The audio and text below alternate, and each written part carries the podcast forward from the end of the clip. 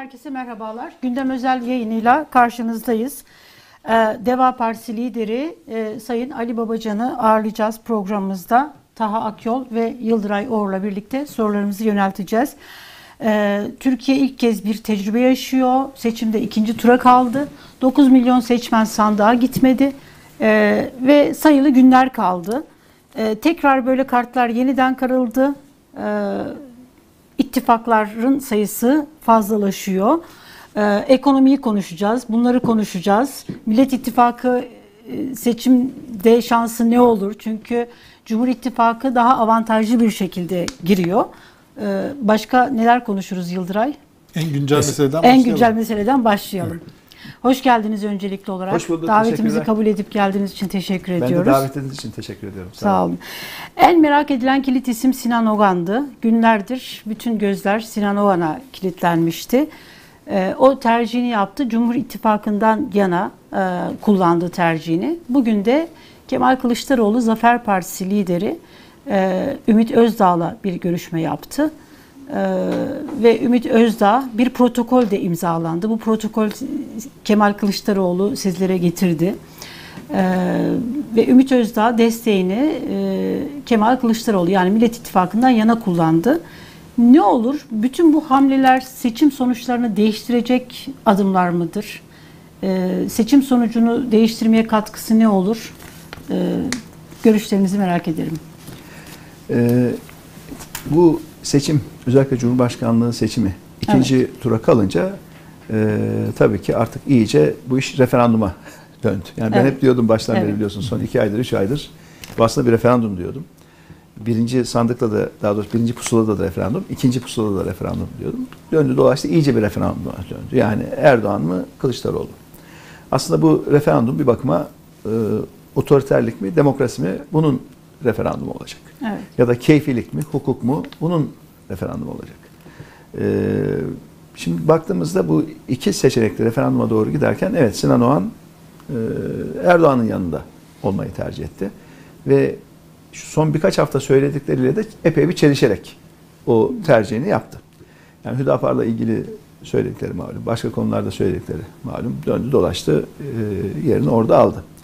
E, bugün de Ümit Özdağ ile Kemal Kılıçdaroğlu arasında nihai bir görüşme yapıldı ve bir ortak protokol açıkladılar. Yani iki imzalı bir protokol açıkladılar. Ee, biz bu görüşmelerinin öncesinde, arasında ve sonrasında Sayın Kılıçdaroğlu ile görüştük. Yani 24 e, saat içerisinde ben 3 kere görüşme yaptım kendisiyle telefonda.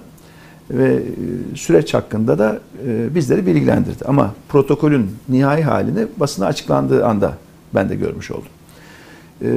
Biz aslında dün sabah saatlerinde kurumsal olarak bir açıklama yaptık. Ne dedik? Yani partimizin duruşu olarak Millet İttifakı'nın ortak politikalar metni etrafında buluştuğumuz herkesin Sayın Kılıçdaroğlu'nu desteklemesine davet ederiz. Sayın Kılıçdaroğlu'nu desteklemesinden memnuniyet duyarız dedik.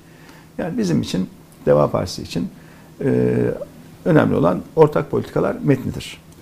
E, ve bu müzakereler sürecinde de Sayın Kılıçdaroğlu'nun bu konudaki hassasiyetini defalarca muhataplarına ilettiğini de biliyorum. Çünkü kendisi bana telefon görüşmelerimizde söyledi. Yani asıl Referans metin budur. Altı partinin ortak metindir. Çok büyük emek vardır.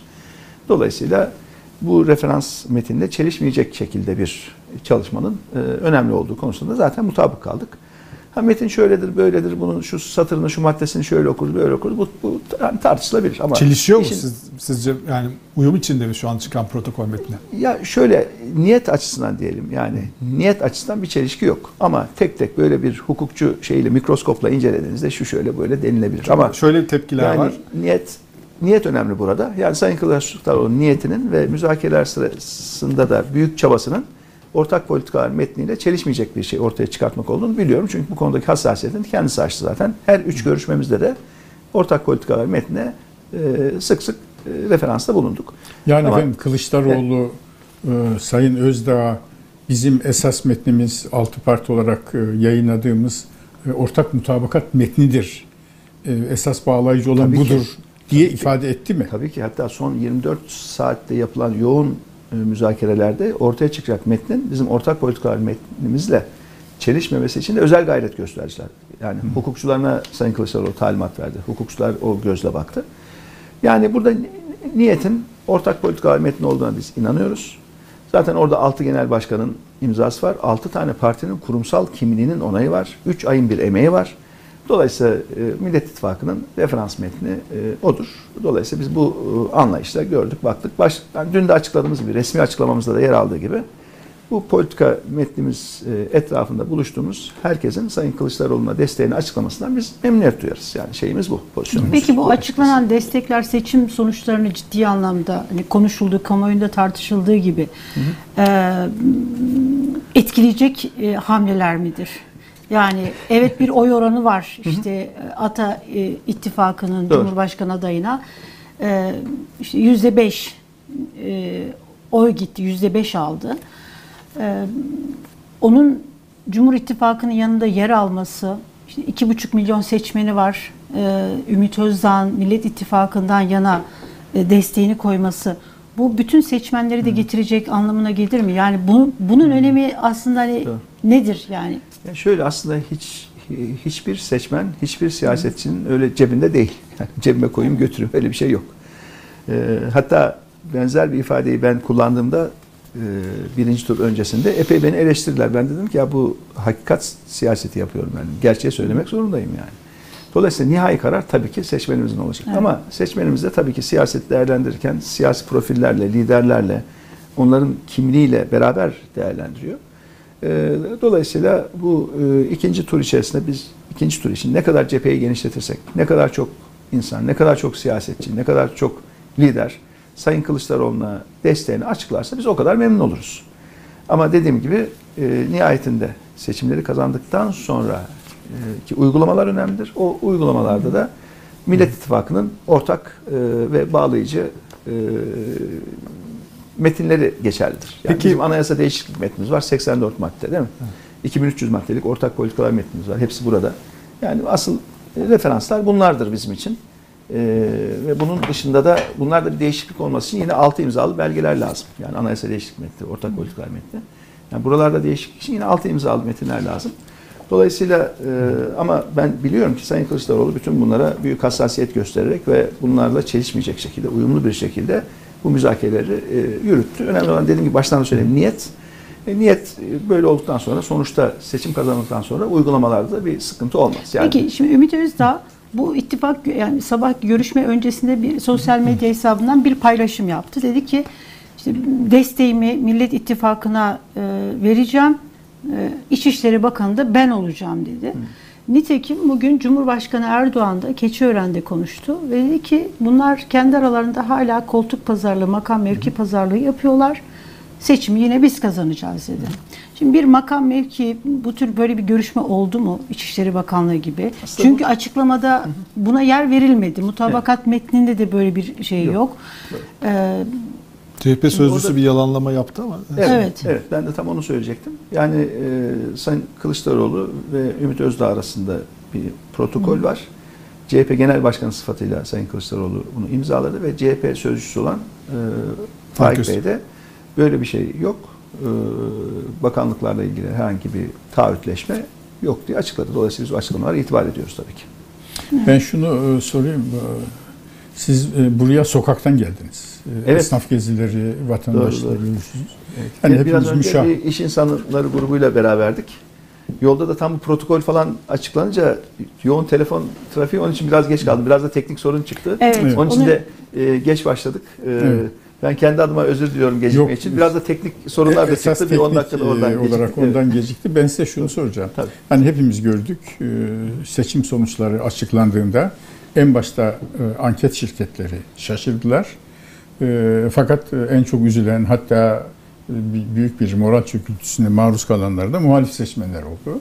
Tabii. Çünkü kazanıyoruz havası vardı. Doğru. E, Üstelik böyle bir puan, iki puan e, fark da değil. Bayağı ciddi bir e, farkla Sayın Erdoğan aldı. Parlamentoyu aldı. Sayın Erdoğan birinci tur aldı ama parlamentoda çoğunluğu aldılar. Doğru. MHP ile e, AKP'nin çoğunluğu Tabii. toplamı aldı. Bu bir moral çöküntü meydana getirdi. Bunu hepimiz de gördük. Siz sahadan geliyorsunuz. Sahadaki durum nedir? E, Bunu parti lideri Babacan'a sormuyorum. E, Mühendis ve iktisatçı Babacan'a objektiflikle e, soruyorum. Evet, bir de aynı zamanda Ankara'da da İstanbul'da da dün de İstanbul'da yoğun caddelerde sokaklardaydık. Çok insanla temasta bulunuyoruz. Geçen hafta Ankara'daydık yoğun. Bu hafta da İstanbul'da olacağım yoğun. Pek çok semtte böyle doğaçlama yapıyoruz. Kimseye haber vermeden arabayı durduruyoruz. iniyoruz halkın arasına karışıp başlıyoruz sohbetlere. Ve asıl gerçek resmi öyle alıyorsunuz yani. Evet. Bazen teşkilattan arkadaşlarımız bozuluyor. Ya başkanım bizim haberimiz yoktu. Sen ne yaptın, ne ettin falan filan. Valla diyorum Gerçek resim öyle ben, alıyor. ben Evet. arabadan arabayı durduruyorum, iniyorum orada başlıyorum programa diyorum. Ee, zaten doğal bir halka oluşuyor, kalabalıklarla konuşuyoruz. Gayet de çok da iyi bir nabız tutmuş oluyoruz yani. Ee, dolayısıyla o, o perspektifte de söyleyebilirim. Tabii bu gün, gün değişti açıkçası. Yani seçim öncesi pek çok bizim de güvendiğimiz araştırma şirketinin e, bulguları e, Kılıçdaroğlu'nu Erdoğan'ın bir miktar üstünde gösteriyordu. Evet. Yani tersini gösteren araştırma çok azdı. Ha birinci turda bu işin biteceğini gösteren araştırmayı da pek görmemiştim. Yani hatta Doğru. sorduklarında "Ya o, o kısmı biraz bıçak sırtı. Birinci turda biter bitmez mi meselesi bıçak sırtı ama hani gördüğüm güvenilir araştırmaların kahir ekseriyetinde Kılıçdaroğlu'nu Erdoğan üzerinde görüyoruz demiştim bana soran. Doğru, doğru. Biz de onu Ee, gördük. Evet. Fakat tablo tersine oldu. Yani Erdoğan'ın aldığı oy, Kılıçdaroğlu'nun aldığı oyun biraz üstünde oldu. 2,5 milyon oy var. Ee, dolayısıyla bu e, bir miktar beklenenden farklı bir sonuç. Bunun bir e, bir miktar şaşkınlığı, bir miktar üzüntüsü tabii ki e, Millet İttifakı'nı ve Sayın Kılıçdaroğlu'nu destekleyen seçmende oluştu. Kaçınılmaz bir şey. Bizlerde de oluştu yani. E, bu sefer hemen bir analiz yapmaya başladık. Biz çok e, hemen sahaya çıktık. Yüz yüze 26 ili kapsayan NATS çerçevesinde bir araştırma yaptırdık. Hemen. İlk 3 günde sahaya gönderdik araştırmacılarımıza. Hemen cuma günü sonuçlarını aldık. Ne oldu, nasıl oldu falan. E, sonuçta bir tablo ortaya çıktı. Bu bizim e, araştırmada gördüğümüz en önemli hususlardan. E, ona geçmeden aslında hissiyatı anlatayım da sonra araştırmaya geleyim Evet. Yani hissiyat şöyle. Çünkü sorunuzdan çok uzaklaşmadan e, ona cevap vermiş olayım. Yani ilk bir iki gün böyle biraz şaşkınlık, biraz üzüntü.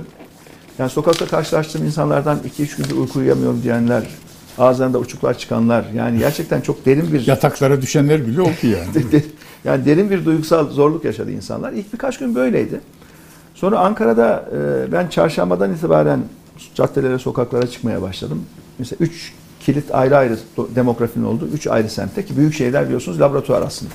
Bir sürü mahallesi var. Her görüşten Evet. insan var. Yani doğru mahalleye girdiğinizde o mahallenin fotoğrafı çektiğinizde Türkiye'yi az çok yansıtıyor. Mesela o, o günlerde çarşamba, perşembe, cuma artık insanların biraz üzerinden attığını onu gördüm. Yani artık kabullenmiş ve şimdi ne yapacağız noktasındaydı.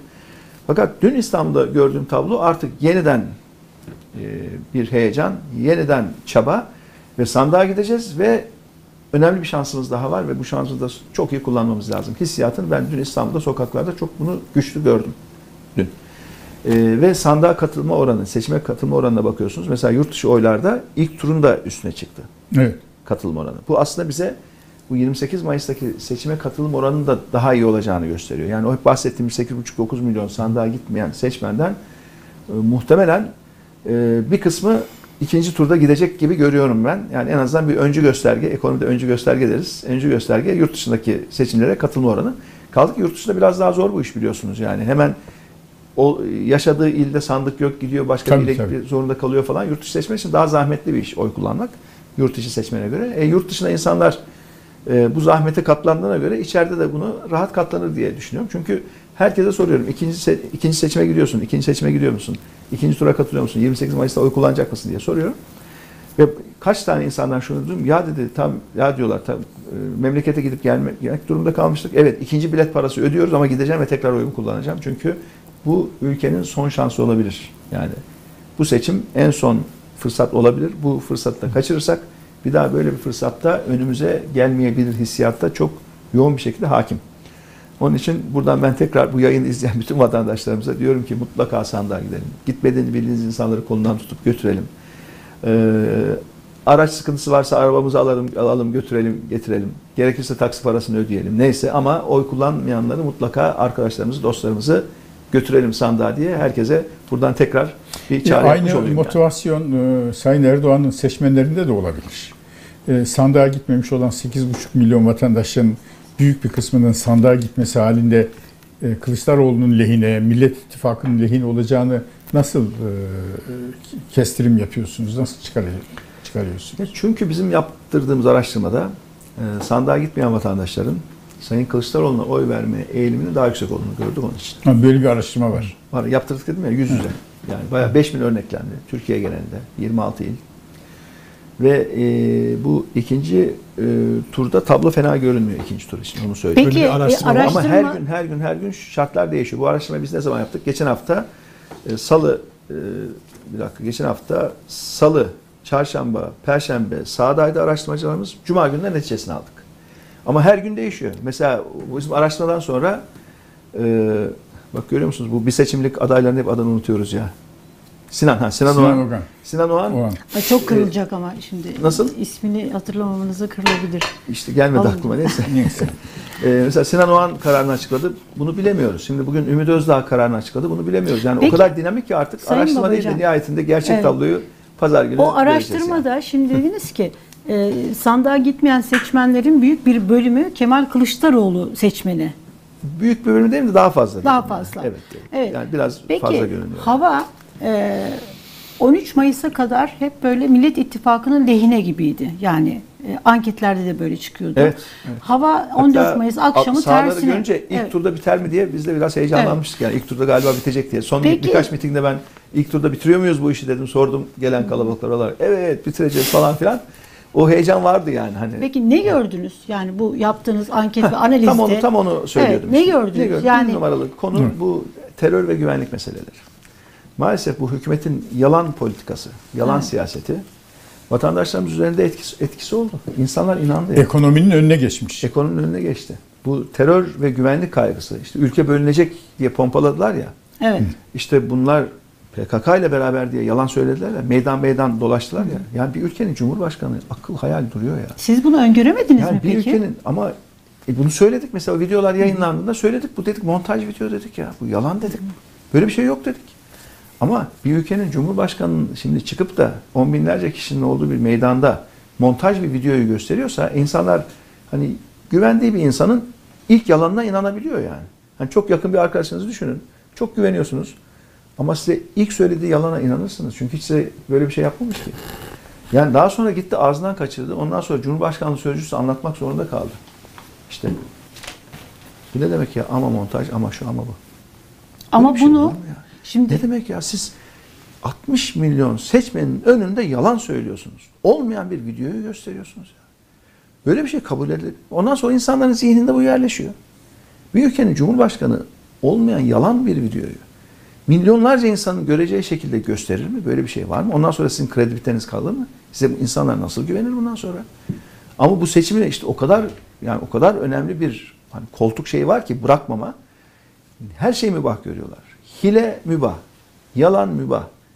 Ya böyle bir şey olur mu? Şimdi ama Bunu- montaj ama şu ama ne demek ya? bunu Ya ben yalan söyleye sonra. söyle kardeşim yalan söyleye söyle kazandım diyor. Bu o demek. Atalan Üsküdar'ı geçti diyor. Daha önce de söyledi bu ifadeleri değil mi? Evet. Atalan Üsküdar'ı geçti diyor. Yalan malan diyor. Montaj montaj diyor. Ben seçimi aldım ya diyor. Birinci seçimde kazandım ya. Sen ona bak diyor. Böyle bir şey olur mu? Sen insanları aldatarak oy topladın. Bu oylar helal mi?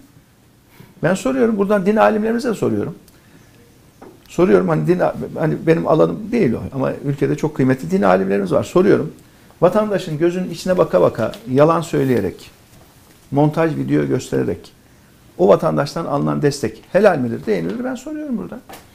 Sizin Böyle bu şey sorunuza e, isim zikretmeyeceğim bazı grup din alimleri de harp hiledir diye cevap verirler. Ama kim- Seçimi harp kabul ediyorsa, savaş kabul ediyorsa seçimi e, böyle partiler arası mücadeleyi savaş diye niteleyen yazılar çıktı. Din alimi dediğiniz çevrenin Şimdi- içinden e, Bir- neyin bir savaşı kişinin, bu? Neyin savaşı anlamıyorum. kişinin. Yani e, kime karşı savaş ediyorlar? Ne- neyin savaşı bu? Şimdi seçim sadece bir rekabettir. Nasıl ekonomide, ticarette şirketler rekabet ederse, daha iyinin mücadelesini verirlerse, yani daha iyi hizmeti, daha iyi ürünü, daha ucuza sağlamak için rekabet ederlerse, siyaset sahnesinde de partiler rekabet eder. Bu bir savaş da değil, başka bir şey de değil Allah aşkına. Neyin mücadelesini veriyor? Kime karşı savaş bir anlatsın bakalım. Neye karşı savaş? Üstelik bakın işgal güçlerine karşı savaş. biz biz bu bu var ya Harple'dir var ya bunu bunu özellikle 2013 14 15'te ben çok kafaya taktım bu meseleleri. Baktım hatalar büyüyor, büyüyor, büyüyor, büyüyor, büyüyor. Yanlışlar büyüyor. Meşru olmayan pek çok iş yapılmaya başlanıyor. Tam da bu sebeple güvendiğim çok sayıda din alimine sordum. Ya hocam dedim bir sürü yanlış oluyor. Şöyle bir şey var mı? Yani bizim çok önemli ve meşru bir hedefimiz var. Ama o kadar önemli bir hedef ki bu. Dolayısıyla o hedefe ulaşmak için gayrimeşru yollardan da geçebiliriz. Çünkü hedefimiz çok önemli. Savaşta da değiliz yani. Kimse kusura bakmasın. Neyin savaşı ya? Sadece demokratik meşru bir siyaset oluşturmaya çalışıyoruz. Bunun için de rekabet ediyoruz. Savaş falan değil bu. Ve güvendiğim, sorduğum herkes öyle bir şey yok dediler ya. Yani Hala hedefiniz, hedefiniz meşru olacak. Benim sorduklarım aynı fikirde. Ama Sayın Erdoğan kime soruyor, kimlerden ne görüş alıyor onu bilmem yani. Benim sorduklarım aynı fikirde. Yani hedefin de meşru olacak ama o hedefe yürürken attığın adımlar da tek tek tek tek meşru adımlardan oluşacak. Gayrimeşru yollardan o meşru hedefe ulaşacağım diyemezsin. Böyle bir şey yok yani. Ama bunu yapıyor şu anda ya. Böyle bir şey var mı? Yani Ali Bey ben, neden ben Ali Babacan bu ülkenin düşmanı mıyım ya? Ne oluyor ya? Hop dedik derler adama. Dur ya ne oluyor? Bir kendine gel. Sayın Davutoğlu bu ülkenin düşmanı mı? Sayın Karamollaoğlu bu ülkenin düşmanı mı? Sen kime karşı ne savaş yapıyorsun?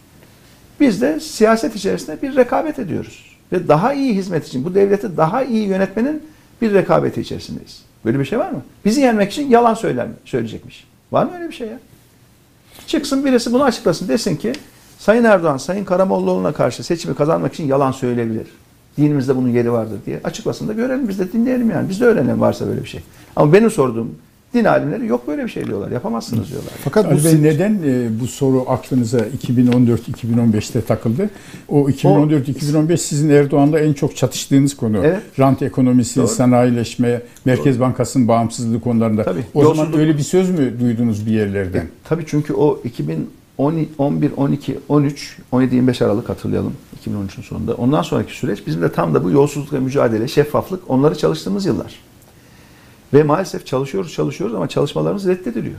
Kim reddediyor? Kanun tasarılarını hazırlıyoruz. Sayın Erdoğan reddediyor. Erdoğan ve tabii etrafındaki öbeklenmiş 3-5 kişi yani. Çünkü biliyorlar ki biz o çalışmaları yaptığımız anda rant kapıları tıkanacak. Yolsuzluk azalacak. Onu biliyorlar. Rahat hareket edemeyecekler.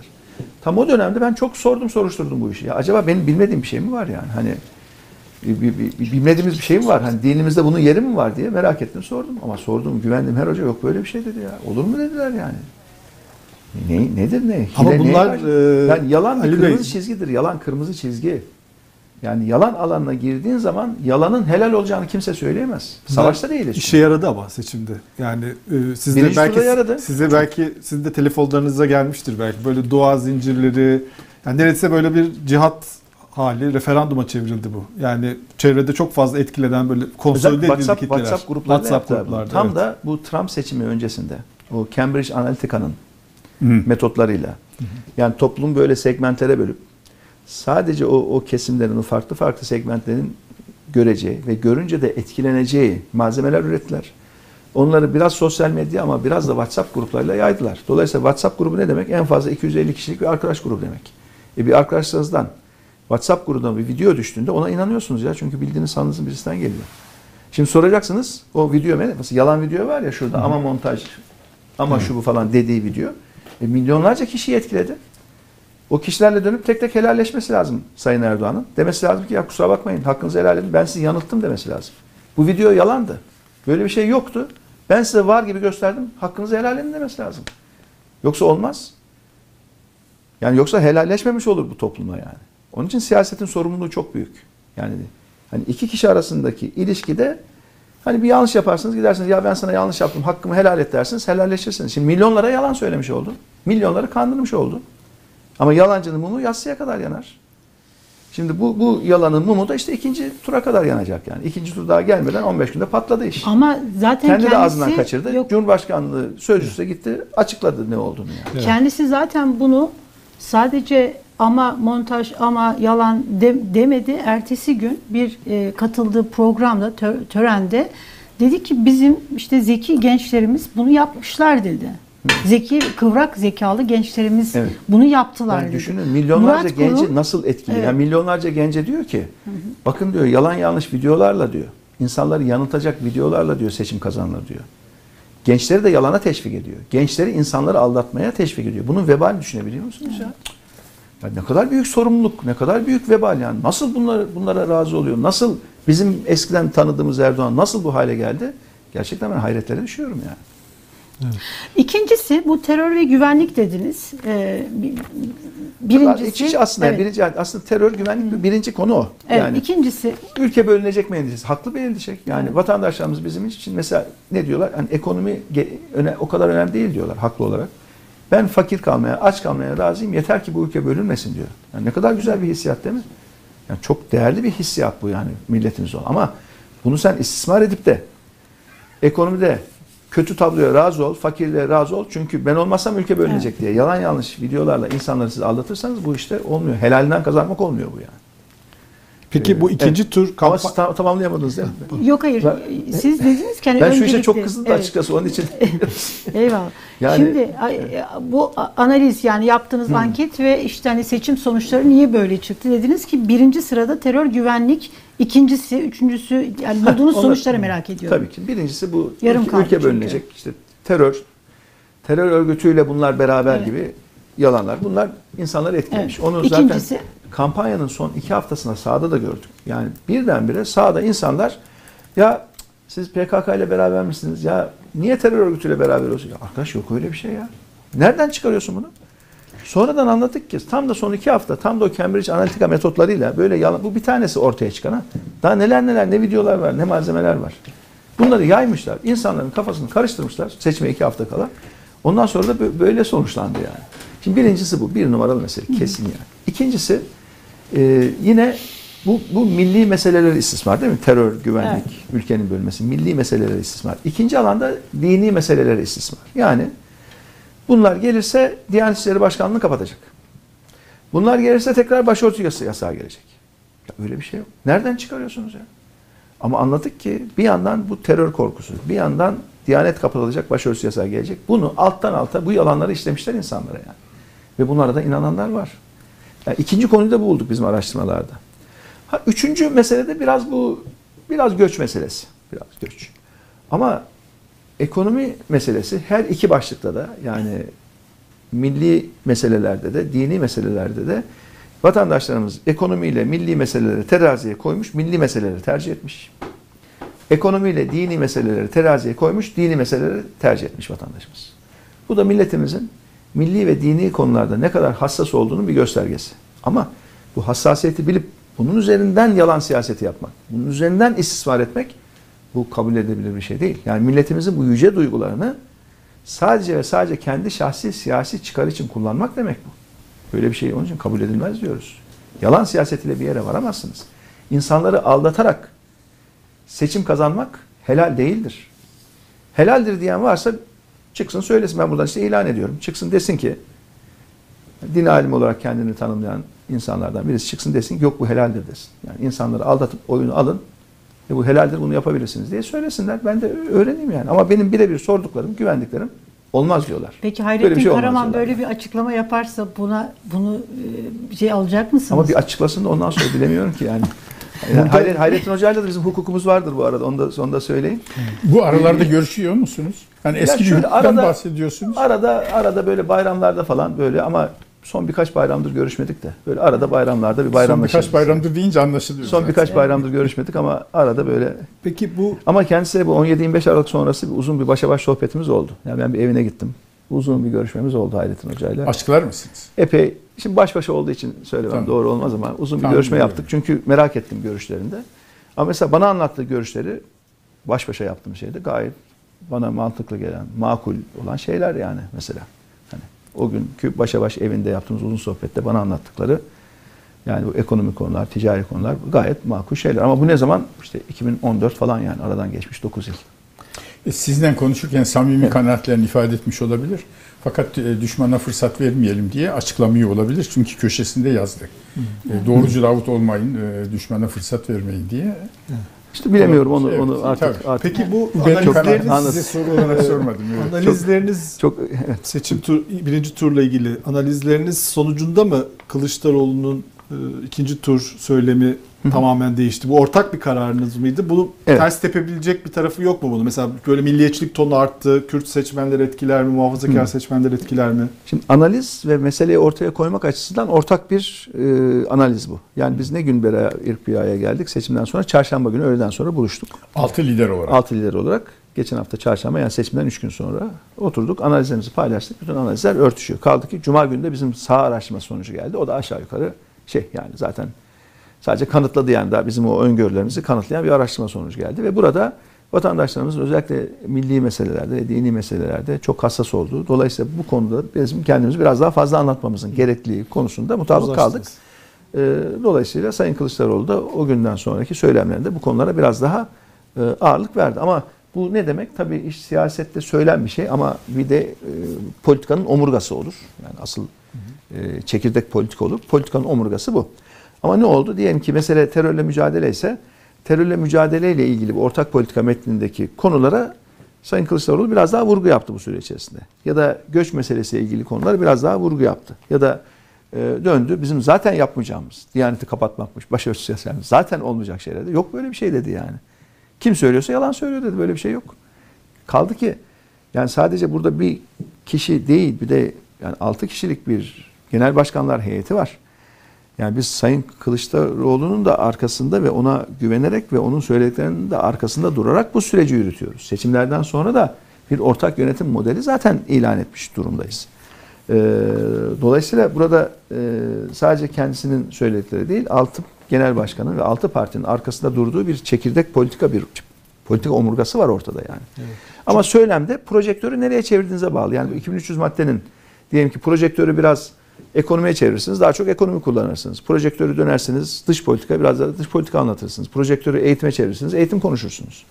Yani bunu böyle görmek lazım. Ters tepebilir mi? Bazen şu oluyor tabii doğaçlama konuşmalarda üslup, tarz ya ne oluyor başka bir yere mi gidiyor gibi belki anlaşılabilir ama bu çekirdek politikayı değiştirmez yani.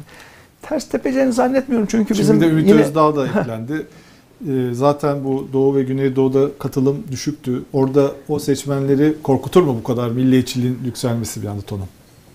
Ya şöyle biz hep beraberiz ya. Bir bakıma birbirimizin sigortasıyız. Yani altı parti bir bakıma e, birbirinin güvencesi. Dolayısıyla e, aslında vatandaşlarımız gayet iyi biliyor. Gayet iyi okuyor her şeyi. Yani daha dün işte burada İstanbul'da bir vatandaşımız geldi kulağıma eğildi. Ya dedi Sayın Kılıçdaroğlu'nun söylemlerindeki dedi değişikliği fark ediyoruz ama dedi. Biz gerçek niyetini de biliyoruz dedi. Hiç merak etmeyin dedi. Biz pazar günü evet mührünü basacağız dedi. Şimdi daha dün burada İstanbul'da olan bir olay bu. Dolayısıyla bunu vatandaşlarımız okur. Yani şey yapar. Ee, orada önemli olan yani Erdoğan'ı destekleyen ya da kararsız kalan kitlede bir yanlış anlama varsa, bir eksik bilgi varsa onu tamamlama gayreti bu. Yoksa bir duruş değiştirme değil. Yani e, bizim tam 14-15 aydır devam eden bir birlikte çalışmamız var. Altı partinin bir çalışması var. Bu sadece lafta sözde yürüyen bir şey değil. İşte çok ciddi dokümantasyonla yazılı hale getirilmiş çalışmalar. Yani birinci turda ikinci tur arasındaki iki haftalık sürede politika değişmez. Yani söylemlerin içeriğinin kompozisyonu değişir yani. Kompozisyon oradan biraz daha bu tarafa doğru ama politika değişmez yani. Durup dururken bir şey değişmez. O söylemlerde duymayan, bilmeyen vatandaşlarımız varsa onların duyması ve bilmesi için de vesile olur. Yani ya bak evet ben böyle bilmiyordum der. Eğer duymadıysa ve bilmiyorsa söylenenleri. Faydası o yani. Buyurun Bu altılı masa olarak çarşamba günü toplandığınızı söylendiniz. Evet. Seçimlerin ertesinde. Ya şöyle yaptık, e, böyle yapmasaymışız, e, bundan sonra şöyle yapalım diye e, biraz önce söylediğiniz güvenlik politikalarına daha bir vurgu yapmanın ötesinde müzakerede bir sonuç çıktı mı? Şöyle yapmamalıydık, bundan sonra şöyle yapalım gibi. Bir, bir tür öz eleştiri de oldu mu? Ya politik olarak hayır. Yani mesela diyelim ki bizim buradaki örnek veriyorum. Eğitim politikamız yanlışmış, sağlık politikamız yanlışmış, ekonomi politikamız yanlışmış. Böyle bir şey yok. Sadece biz belki anlatamadık derdimizi. Yani yeterince mesajlarımızı vatandaşlarımıza ulaştıramadık. Bu anlamda bir öz eleştiri.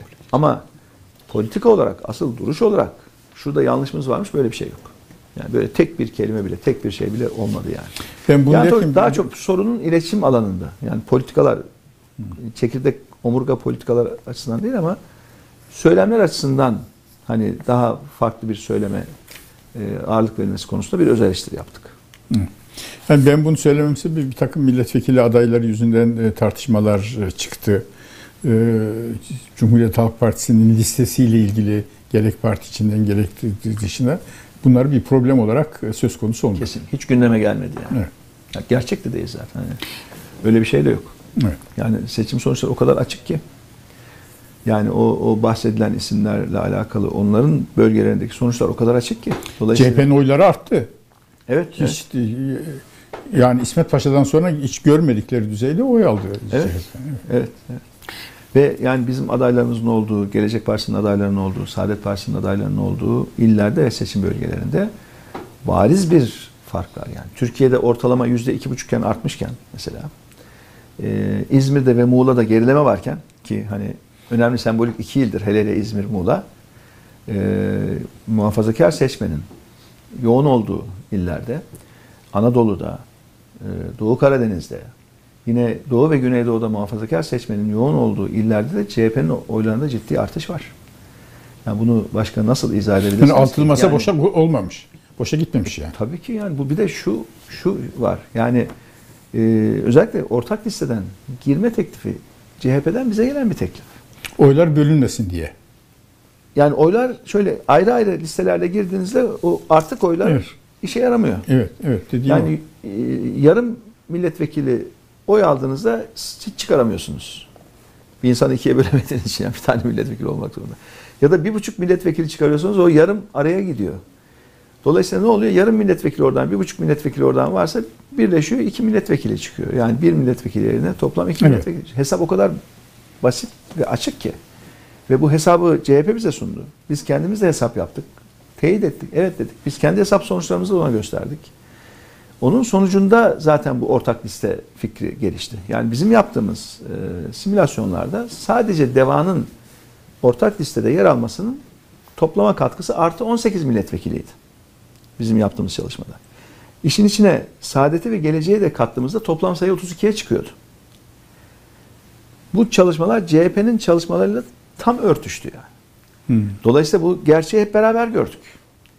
Onun için mesela son iki gün kala biz karar verdik ortak listeden girmeye. Yine Saadet Partisi son iki gün kala ka- karar verdi ortak listeden. Yani gelecek deseniz öyle. Dolayısıyla e, bu ortak liste aslında herkes için kazan kazan sonucunu oluşturdu. Yani burada e, veriler de var. İsterseniz şöyle çok kısa bir iki ilden örnek verebilirim yani. Bu önemli bu konu evet. Evet. evet. Mesela diyelim ki e, neresi? Kahramanmaraş değil mi? Kahramanmaraş'ın demografik dokusu e, özeldir. CHP %9,5 oy almış son seçimlerde. Bu seçimlerde %16,3 oy aldı. 6,8 artış var. Bakın Türkiye ortalaması artış 2,5 puan. Kahramanmaraş'ta 6,8. Bir milletvekili vardı. Şimdi iki oldu. İkincisi de bizim il başkanımız İrfan Bey. Tıp doktoru. Bizim kurucu il başkanımız Kahramanmaraş'ta. O seçildi. Yani 9,5'dan 16.3'e artışı Kahramanmaraş gibi bir ilde çok önemli yani. Doğru. Mesela Gaziantep'e geçelim. Gaziantep'te CHP'nin oyları %15'ten %20'ye çıktı. 5 puan artış var. İki milletvekili 3 oldu ve üçüncüsü, üçüncü sıradan bizim il başkanımız e, Ertuğrul Bey ve üçüncü sıradan o kazandı. Yani iki milletvekili zaten vardı CHP'nin. 3 oldu. Üçüncüsü de bizim arkadaşımız ama oylarda 5 puan arttı. Diyarbakır. Diyarbakır'da %2 idi. %8'e çıktı. Bizim adayımız ikinci sıradaydı. CHP'nin adayı birinci sıradaydı. Ee, ama bizim e, daha sonra sanırım Diyarbakır'da Saadet'in de adayı vardı diye hatırlıyorum yanlış hatırlamıyorsam. Dolayısıyla hep beraber çalıştılar ve e, ilk yüzde ikilik CHP oyu 8'e çıktı. 4'e katladı. Yani bu 4'e katlamada herhalde bizim ve e, Saadet Partisi'nin, Gelecek Partisi'nin adaylarının etkisi var. Mesela geçelim e, bir başka ile. E, Mersin. Mersin'de artı iki milletvekili çıkarttı CHP. Yani üçlü beş oldu. Ve bizim Mehmet Emin Ekmen Mersin'den aday. Ve çok ciddi bir hareketlenme oldu Mersin'de. Yani Mersin'deki Kürt seçmende ilk defa çok büyük bir hareketlenme oldu. Ve CHP artı iki milletvekili çıkarttı Mersin'den. Ee, bir başka il mesela e, Şırnak. Şırnak'ta da Gelecek Partisi'nin il başkanı birinci sıradan adayıydı. %2.2'den 8.7'ye çıktı CHP'nin. Ve kazandı mı? Kazanamadı maalesef. Kazandı. Şeyde Ama de oy arttı evet. Oy arttı mesela Siirt. Siirt'te de aynı bizim aynı durum bakın. 2.1'miş Siirt'te 7.8'e çıkmış. Neredeyse dörde katlamış. Siirt'te de bizim il başkanımız birinci sıradan adaydı. Ve CHP istedi bunu. Yani Siirt'i ve Iğdır'ı mesela bizden onlar istedi. Dediler ki sizin il başkanlığınız bu iki ilde hani iyi olduklarını duyuyoruz. Onları birinci sıraya yazalım dediler. Biz de tamam dedik memnun oluruz. Ve dörde katlamış Siirt'te CHP'nin oyu. Ve bizim adayımız birinci sırada yani. yani istatistiksel olarak o kadar açık. Yıldıray Bey de zaten bununla ilgili geniş bir yazı yazdı. Ben onu okudum. Hem de internet uzun uzun versiyonu da okudum. Gayet güzel bir analiz. Yıldıray Bey'in tespitlerinde de var bunların bir kısmı. Daha ötesi de var gerçi. Daha geniş bir analiz yapmış. Konya'da durum öyle. Yani Konya'da Mesela- nasıl olmuş? ee, Konya'da Gelecek Partisi'nin biliyorsunuz adayı Evet. vardı. Ee, 4.3 artmış oyları. Bayağı artmış yani. Tabii 4 puan artmış. Mesela bir başka e, konu neydi? Bizim Sadullah Bey değil mi? Sadullah Ergin. Kıyameti koptu. Çankaya Evet. CHP'nin Çankaya'sına birinci bölgeye siz nasıl olur da böyle bir adayı koyarsınız diye. CHP'yi de sürekli olarak eleştirdiler. Bize şey geldi yani siz nasıl yaparsınız böyle bir şey falan filan. Ya çok enteresan. Ankara birinci bölgede CHP'nin oyları 5,5 puan arttı. Çankaya'da 7,5 puan arttı. Bak birinci bölgede 5,5 puan, Çankaya'da 7,5 puan arttı. Söylemediklerini bırakmadılar. Bir hafta 10 gün onunla uğraştık yani. Bir hafta 10 gün Vay nasıl siz bunu aday yaparsınız? Özellikle CHP'yi eleştiriyorlar. Yani çok enteresan. Yani muhalif medya ve yorumcular CHP eleştiriyorlar. Yani nasıl bir şeydir bilemiyorum. Nasıl bir zihniyettir, nasıl bir takılmış kalmışlar bu insanlar bir yerlere. Yani ye- yeni Türkiye okuyamıyorlar ya. Ya bu altı parti niye bir araya geldi? Niye beraberiz? İnanın okuyamıyorlar. Bu hani çok bilmiş ve çok konuşan bir kesim var ama bu birliklerimiz var ya tabi bizim. Yani bütün bu seçim sonuçlardan farklı. Toplumda şöyle bir sonuç oluşturdu. Kim ne derse desin.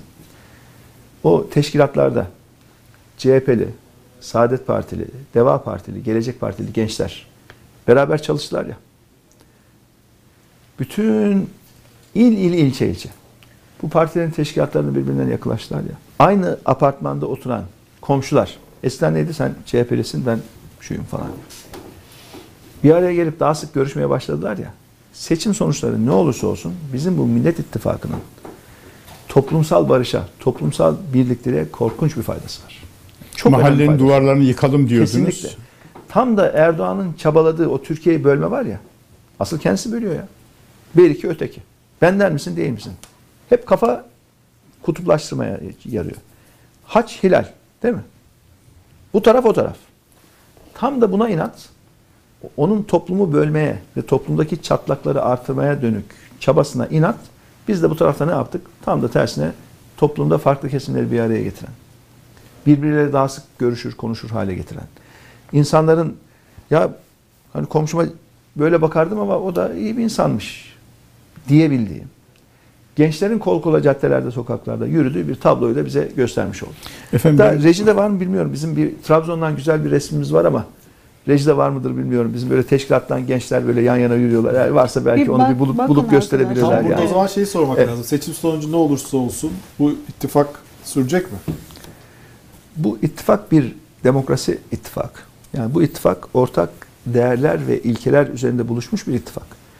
Yani bu ittifak e, ne demek? Aynı zamanda ülkenin yarınları için konu eğitim de olsa, sağlık da olsa, güvenlik de olsa, dış politika da olsa, ekonomi de olsa buluşmuş bir ittifak.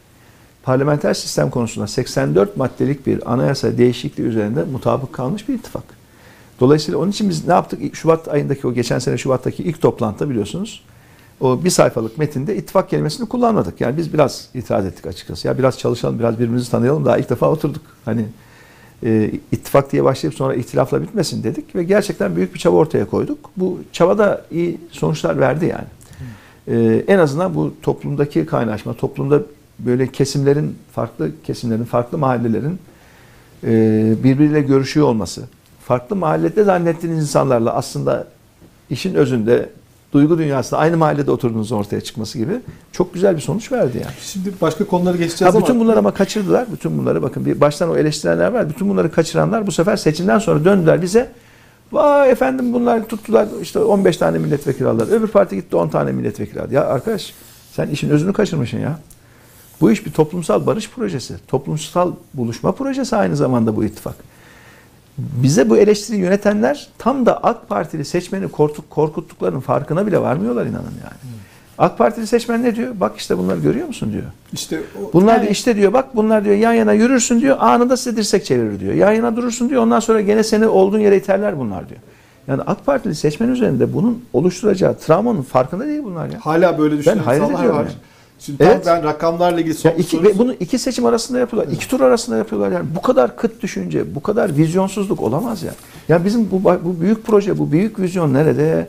Bunların küçücük alanda yaptıkları işler nerede vallahi? Üzülüyor insan ya. AK Parti bu rakamlarda aslında 73 ilde hem AK Parti hem Erdoğan oyları düştü ve özellikle muhafazakar illerde çok büyük kayıplar var. Evet. Yani sizin yani CHP'ye geçen oydan çok daha büyük kayıplar var. 10 puan, 9 puan Doğru. pek çok kaleleri olan yerlerde kayıplar var. Fakat o oylar Toplamda da 7,5. 2002'ye döndü Evet. AK Parti'nin oyu. Tabii. ama o kayıplar tam Kılıçdaroğlu'da ve CHP'ye yani sizin de milletvekili aday liste şeyinde olduğunuz e, gelmedi. Orada hala bir biraz öncesinde bahsettiğiniz tedirginlikler, hani C50 gitmemeler, hani güvenememeler. hani Bu muhafazakar partiler var ama hani bunlar o kadar orada hani seçimden sonra onların ne kadar gücü olur gibi korkular egemen oldu. Hatta bu yüzden bazı partiler, mesela Yeniden Refah Partisi, Büyük Birlik Partisi gibi bazı partiler de epeyce bir alternatif haline geldiler. Çok fazla oy aldılar. Şimdi siz artık CHP o seçim bitti. Şimdi Kılıçdaroğlu var. Şimdi hala daha pek çok belki izleyenlerde de vardır. Ee, yani siz sizin gibi işte Ahmet Bey gibi, Temel Bey gibi isimleri, Meral Hanım gibi neden Kılıçdaroğlu daha iyi bir Cumhurbaşkanı adayı, neden sizin Cumhurbaşkanı adayınız sorusuyla ilgili kafasında e, soru işaretleri var. Yani işte bu seçim ikinci tura geçtikten sonra söylemin değişmesi biraz bazı insanları etkilemiş olabilir.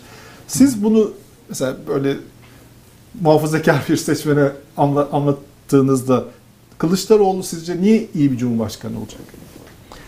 Birincisi e, Sayın Kılıçdaroğlu'nun Cumhurbaşkanı olduktan sonra başında olacağı hükümet e, pek çok alanda hızlı bir icraata başlayacak.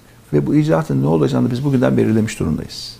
Yani 20 tane bakanı 5 yıl meşgul edecek kadar ev ödevini bugünden hazırlamış durumdayız. Ve e, Sayın Kılıçdaroğlu evet CHP'nin genel başkanı bir bir helalleşme çağrısı yapmış durumda. Bu çok kıymetlidir. Çünkü geçmişten ders alıp ülkenin yarınlarına bakmaktır. İkincisi bütün bu icraat tarafında, yönetme tarafında sürekli bir istişare mekanizması çalışacağı için partilerin uzlaşa uzlaşa, istişare ede ede bu ülkenin yönetimde yer alacağı bir model üzerinde biz uzlaşmış durumdayız. Hani birleşe birleşe büyüyeceğiz, birleşe birleşe kazanacağız diyoruz ya. Kazandıktan sonra da uzlaşa uzlaşa istişare ede ede yöneteceğiz. Dolayısıyla bir kişinin keyfine göre yönetilmeyecek Türkiye. Yani şu andaki Erdoğan'ın yönetme tarzı olmayacak. Bunu Sayın Kılıçdaroğlu da söylüyor. İstişareyle yöneteceğiz diyor. Konuşa konuşa beraber yürüteceğiz bu süreci diye açıklıyor. Bu tarz, üslup ve yönetim modeli bambaşka bir model. Ve burada e, hep beraberiz. Yani Sayın Akşener var. Sayın Karamollaoğlu var. Sayın Davutoğlu var. Bizler varız. Sayın Uysal var.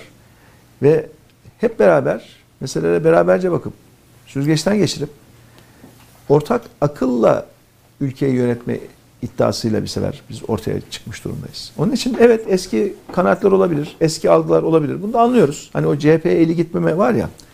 Ama inanın bu seçimde pek çok hanede de AK Parti'ye eli gitmeme oldu. Onun için tam da bahsettiğiniz gibi AK Parti'nin oylarında ciddi düşüş var yani. Evet. AK Parti'ye eli gitmedi insanların. Yani dün akşam duyduğum iki ifade iki ayrı insandan dün akşam dediler ki ben biz dediler Sayın Kılıçdaroğlu'na oy verdik ama işte sizin fotoğrafınızı da şöyle koyduk yanına. Ondan sonra o oyu verdik dediler yani. Ya da annemize babamıza anlatırken ya CHP'ye oy veriyoruz ama CHP sadece CHP değil işte CHP'nin yanında Deva Partisi var, diğer partiler var, beraberler diye annemiz babamızı ikna ettik dediler. Tabi bunlar önemli süreçler, kıymetli süreçler ve bu dönüşüm aniden olmuyor. Yani bir seçimde Olmaz. istediğinizin yüzde yüzünü belki alamıyorsunuz da e, kademe kademe gidiyor. Ama en azından bu birinci turu gördük. Şimdi ikinci turun sonucuna hep beraber inşallah Sayın bakacağız. Babacan güçlendirilmiş parlamenter sistem vurgusu yaptınız e, Evet. biraz önceki konuşmasında. E, Sayın Erdoğan size gelse seçimi kazanırsa dese ki biz Cumhurbaşkanlığı hükümet sisteminde revizyon yapacağız. mesela %50 şartını kaldıralım. Bu sıkıntı oluyor. Kim belediyelerde olduğu gibi kim çok oy alırsa o kazansın. Veya siz kuvvetler hali diyorsunuz. Ne diyorsanız gelin konuşalım. Cumhurbaşkanlığı hükümet sisteminde herhangi bir revizyon önerisine müzakere edebilir bulur musunuz? Yoksa hayır e, güçlendirilmiş parlamenter sistem tek müzakere edilebilir konu mudur? Ee, bizim hedefimiz şu anda parlamenter sistem ve bu güçlenmiş parlamenter sistemle alakalı 84 maddelik bir mutabakat metnimiz var. Cumhur İttifakı'nın elinde tek bir maddelik mutabakat yok şu anda. Yani Cumhur İttifakı olarak ortaya koyabildikleri bir anayasa çalışması yok. Başörtüsüyle ilgili tek bir maddeyi meclise getirmeye çalıştılar. Ellerine yüzlerine bulaştırdılar ve vazgeçtiler geri çektiler ondan. Yapamadılar. Bir maddeyi bile yapamadılar yani. Halbuki burada 84 tane madde var. Bizim bu referans metnimiz, bu 84 madde üzerinde e, biz Millet İttifakı ve Cumhur İttifakı'nın bir ortak çalışmasının bir noktada gerekeceğini düşünüyoruz. Bu Yok. esas olmak üzere. E tabi burada çünkü öbürlerinin elinde bir şey yok ki. Öbürleri de alır gelirlerse Ama ne yaparlar. getireceklerini bilmiyoruz ki. Sıfır. Ellerinde hiçbir şey yok. Erdoğan 5 yıldır yeni anayasa diyor. Cumhur İttifakı olarak uzlaşılmış tek bir madde daha açıklayamadılar. Ortada hiçbir şey yok. Onun için onların getireceği konular tamamen farazi. Ama bizim getireceklerimiz belli. O yüzde 50 artı 1 değil de mesela 40 artı 1 falan değil mi? O dillendirildi de biraz. E şimdi bugün sorsanız belki 35 artı 1 bile diyebilirler. Yani AK Parti'nin oylar düştükçe o 50 artı 1 aşağıya doğru iniyor. Biz de diyoruz ki zaten parlamenter sistemde isterseniz yüzde 50 alın, isterseniz 40, isterseniz 35. Tabii. En çok oyu alana zaten hükümeti Hükümet. kurma görevi veriliyor. Dolayısıyla parlamenter sistemde zaten 50 artı bir mecburiyeti yok. E, 50'yi konuşmayalım, gelin 40'ı konuşalım dediğinizde bu bizim konuşacağımız bir konu değil. Siz ne diyorsunuz Allah aşkına? Dalga mı geçiyorsunuz millet de deriz ya. Oylarınız düştükçe. Yani isterseniz yazalım. AK Parti yüzde kaç oy alırsa sınır olur diyelim geçelim kanuna yani. Böyle bir şey olur mu? Yani oylar düştükçe baraj. Burada zaten var. Ne uğraşıyorsunuz yüzde 50 ile 40 ile? Gelin güçlenmiş parlamenter sisteme geçelim bitirelim işi. Burada 35 ile de 34 ile de hükümet kurmak mümkün. 30 ile de mümkün. Yeter ki yüzde 30 olan partinin genel başkanı, bizim metinde teklifte öyle. Genel başkanı bir hükümet oluştursun. Diğer partilerde de anlaşması gerekir eğer mecliste tek başına çoğunluğu yoksa. Gelsin mecliste güven oyunu alsın, hükümeti kursun, devam etsin diyoruz burada. 50 artı bir mecburiyetini ortadan kaldırıyoruz. Dolayısıyla bizim bu teklifimiz ortada. Yani şu gerçeği görmemiz lazım. Ben buna benzer ifadeleri ilk geçen hafta bir televizyon programında kullandığımda o iktidar yanlısı medya o nasıl bir aylım ateşine tuttu. İşte şimdiden Cumhur İttifakı ile konuşuruz, görüşürüz dedi. Şimdiden göz kırpmaya başladı falan filan. Ve Ben de onun için ve, soruyorum size. Ve, ve Millet İttifakı'nı destekleyen medyadaki bazı insanlar da atladı bu işin içine yani. Ya bir dakika arkadaş ne dediğimiz bir anlayın ya. Ha, ne Hükümet- demiştiniz biz de yani anlayalım şimdi. iktidar yanlısı medyanın kesip kesip biçtiği ifadelerle, videolarla bir hemen hüküm belirtmeyin. Ben orada ne demişim, neyi anlatıyorum. Yani önce şu gerçeği görmek lazım. Türkiye Büyük Millet Meclisi seçimi bitti. Bunun bir ikinci turu yok. Orada Millet İttifakı da, Cumhur İttifakı da kendi başına anayasayı değiştirecek çoğunluğu yakalayamadı. Yani hakikat siyaseti yapıyoruz ya. Dolayısıyla anayasayı değiştireceksek burada her iki ittifakın bir şekilde bir araya gelip konuşması lazım. Bu da yapılmamış bir iş de değil. 2003'te 2004'te Tabii. tabii. pardon düzelt evet 2003-2004'te ne oldu hatırlarsınız. Kopenhag siyasi kriterlerini Evet. karşılamak için Avrupa Birliği müzakerelerini başlatabilmek için Baykal'ın genel başkan olduğu CHP başörtüsü yasaklarının devam ettiği yani korkunç bir iklimin olduğu dönemde AK Parti ile CHP uzlaştı. Anayasayı mecliste değiştirdik o zaman. Çünkü e, üçte iki çoğunluğu sağlarsanız biliyorsunuz mecliste referanduma bile götürmüyorsunuz. Mecliste anayasayı değiştirmiş oluyorsunuz. O yöntemle anayasa değiştirdi. Kaç tane önemli değişiklik yapıldı ve Türkiye Avrupa Birliği müzakerelerine başladı. Yani bu öngörüyü bugünden dillendirmek sadece bir vizyon meselesidir yani. Ve biz bu iklimi, bu, bu vizyonu bugünden ülkeye kazandırmazsak ikinci turda vatandaşlarımızı sadece daha gergin bir Türkiye ile korkutmuş oluruz. Tam tersine uzlaşmaya hazır, konuşmaya hazır, diyaloğa hazır bir siyasete Türkiye'nin ihtiyacı var. Benim de söylediğim bu. Ama söylediğim anda o var sen onlarla nasıl konuşuyorsun, nasıl konuşuyorsun? E, e, görecekler mecbur konuşacağız yani. Anayasayı değiştirmek istiyorsak mecbur konuşacağız. Şimdi bu dedi, dediğimi de alacaklar seçime üç kona belki pat. İstediklerini yapsınlar. Vallahi ben doğruyu söylüyorum ya vicdanen rahatım ya. Bu o kadar o kadar rahat Babacan, bir şey ki. Anayasayı değiştirmek için konuşacaksınız da Evet. konuşacağınız metin parlamenter sistemle ilgili bir metin mi olacak? Cumhurbaşkanlığı hükümet sistemiyle ilgili bir metin mi? Cumhurbaşkanlığı hükümet sisteminde metin yok ki. Yani Şu andaki metinde ufak tefek tadilat yapalım diye mevcut- geldiler. mevcut üzerinde ama nedir o? Bilemiyorum ki. Bizim var çünkü. Biz buradaki 84 maddenin 84'ünü de konuşup bu maddeler bazında uzlaşmak, anlaşmak isteriz. Bunun bir an önce hayata geçmesini. Ha 84 olmaz da 50 olur. Yani 50 maddesi üzerinde uzlaşıp hayata geçirebiliriz. Yani 84 olmaz, 50 olur, 40 Evet. olur. Yani mevcut durumdan ne kadar ilerlesek o kadar faydalı ama onların bir önerisi yok. Getirdiği tek bir cümle yok bakın. Çünkü iş üretme kapasiteleri bitti. Yok. Onun için soruları çözemiyorlar. Onun için dev gibi sorular büyüyor. Yani somut bir şey olmayınca bir şey demek e, çok zor yani. Sayın Babacan şimdi isterseniz ekonomiye geçelim. Ekonomiye geçelim. Evet.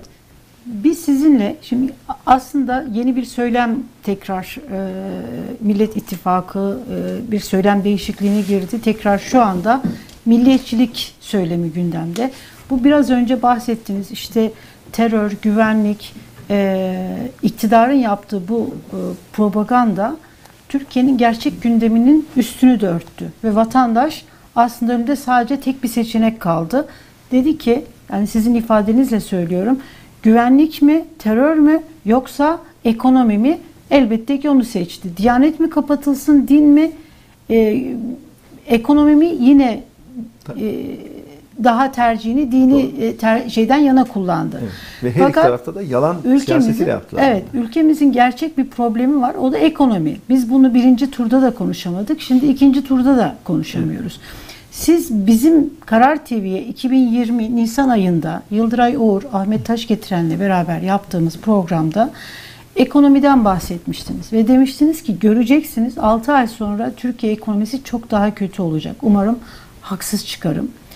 Ee, Daha sonra biz sizi ağırladık. Taha Bey ile beraber ağırladığımız programda hep bu soruyu size hatırlattık ve dedik ki Türkiye'nin ekonomisi ne durumda? 6 ay önce siz bunun hep analizlerini yaptınız. İsterseniz bir İzleyelim videoyu de, beraber izleyelim. Maalesef haklı çıktım. Maalesef haklı. Bir altı ay daha doldu. Bir altı ay, evet. Şimdi size Zaten bu videoyu Seçim izledikten sonrası. sonra da 6 ay sonra ne olacak diye soracağız. 6 ay sonra değil yani Türkiye seçimden sonra Türkiye'yi ne bekliyor? Şu anda ne durumdayız? Bunu sormak istiyorum. Bakın şu anda e, sizinle uzaktan erişimli bir e, mülakat yapıyoruz, bir görüşme yapıyoruz. Bunların hepsi kayda giriyor, hepsi kayıtlarda. Keşke bunu demek zorunda kalmasam ama yani 6 ay sonra, bir sene sonra demek zorunda kalacağım ki biz zamanda bakın dedik, işler kötüye gidecek, şunlar şunlar yapılmazsa dedik ve işte oldu. Demek zorunda kalacağım diye de açıkçası korkuyorum, üzülüyorum. Çünkü bu ülke hepimizin yazıktır, günahtır. Şu anda Türkiye'nin gideceği yer Allah korusun. Eğer doğru yönetilmezse hem ciddi bir ekonomik durgunluk yani ekonominin daralması ama aynı zamanda da yüksek enflasyon. Yani hayat pahalılığıyla işsizlik ve yoksulluğun eş zamanlı vurabileceği bir döneme gidiyoruz. Ben özellikle kayıtlara geçsin diye söylüyorum, ifade ediyorum. Çünkü dönüp baktığımızda bugüne bundan 3 ay sonra 6 ay sonra keşke demek zorunda kalmasak ama diyeceğiz ki de bakın dedik yapmadılar, dedik yapmadılar ve işte ülkenin hali bu. Maalesef oldu. Hepsi olmuş. Evet. Hem durgunluk var hem pahalılık var. Önümüzdeki 2023 yılı nasıl olacak? Yine üzülerek söylüyorum kötüye gidiş devam edecek. Evet. Bunun ikincisi tarihi. İkincisi Evet. oldu. 22'ydi Üçüncü galiba. kez 22, Şimdi ne 22, olacak? 21'de sorduk.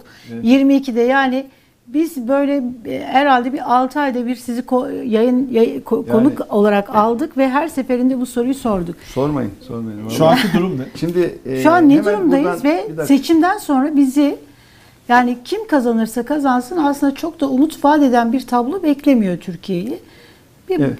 Hemen şuradan bakın e, orada gösterdiğiniz için söylüyorum. 22 Nisan 2020 idi ya ilk gösterdiğiniz. Evet.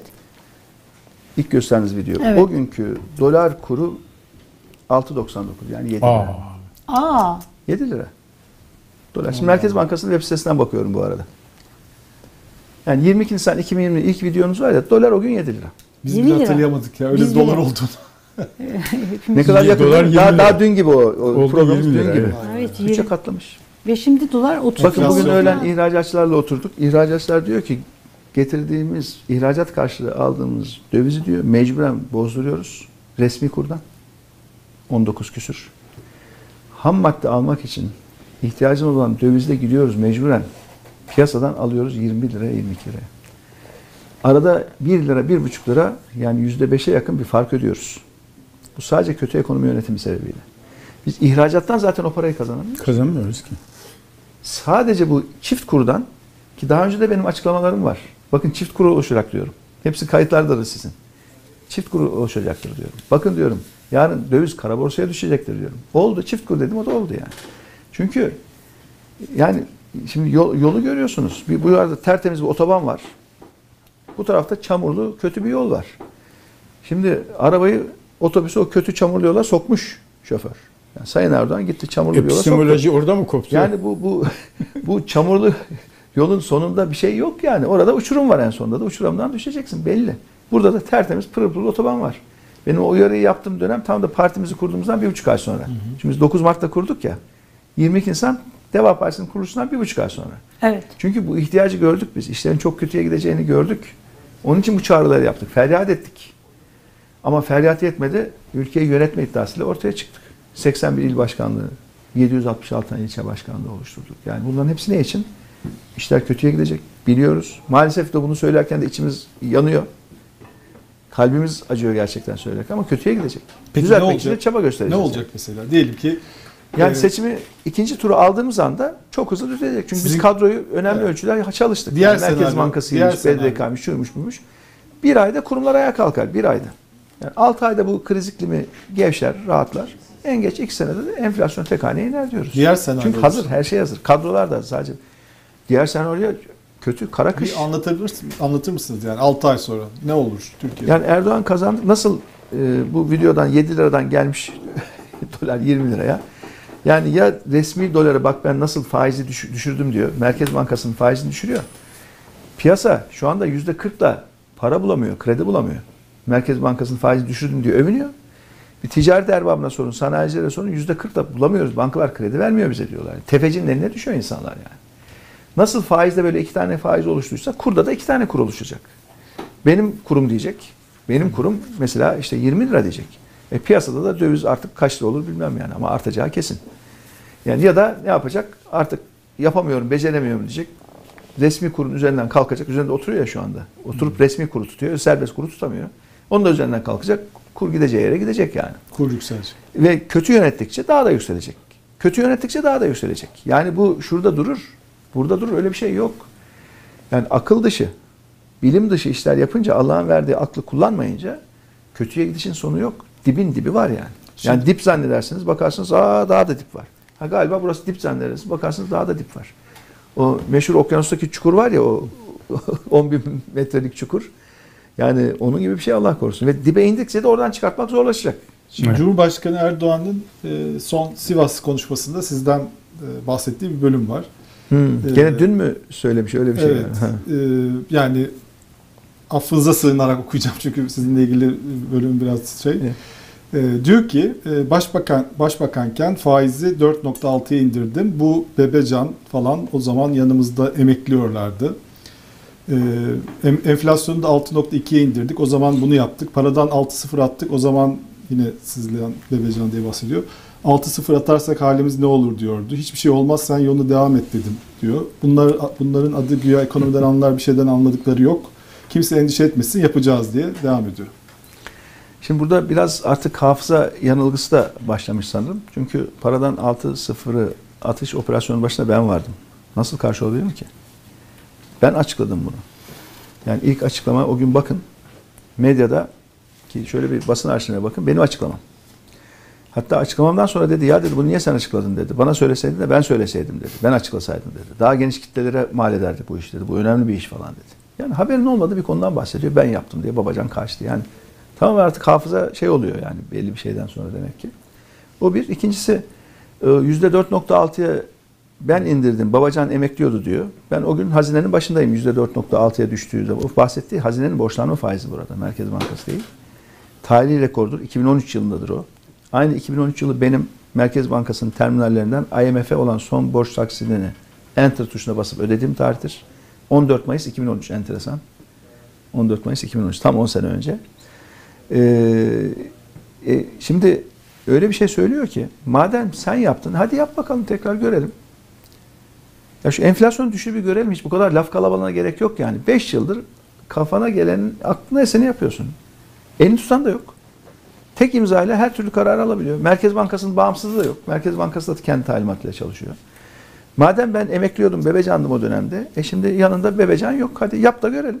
Böyle Düşür şu enflasyonu. Ben çok merak ediyorum. Böyle demesi üzüyor mu sizi? Yani bu böyle bir sıfat yani soyadınıza böyle bir şey takması. Ya o zaman- Çünkü çok teşviki vesaireniz oldu. Şimdi bu uzun yıllar. 2003'te aslında o biraz o günkü basının 2003 yılındaki basının yak- yakıştırması biraz. Çünkü ben o zaman çok gencim. Kriz de çok büyük bir kriz. Ya bu bu genç çocuk mu çözecek bu işi diye biraz başlangıçta ilk birkaç ay hafife alma vardı doğrusu. O dönemden kalma bir ifade ama ondan sonra anladılar neyin ne olduğunu yani. Ha, şu var, e, demek ki bu ülkenin gençleri yani imkan olduğunda nasıl başarılar ortaya koyabiliyor? Aslında onu onu söylüyor yani. E, dolayısıyla gençken bu kadar başarıları ortaya koymuş olmaktan ben gurur duyuyorum ve gençlik içinde çok önemli bir aslında şeydir bu. Bak yani fırsat Biraz. olursa, imkan olursa herkes Evet. yapabilir. Dolayısıyla önemli değil ama asıl buradaki sorun ne biliyor musunuz? Eski başarılardan ne zaman bahsetse dikkat edin. Hep aklına ben geliyorum. Şu anda ortada ne faiz var ne enflasyon var. Hepsi patlamış gitmiş. Enflasyon tarihi rekor.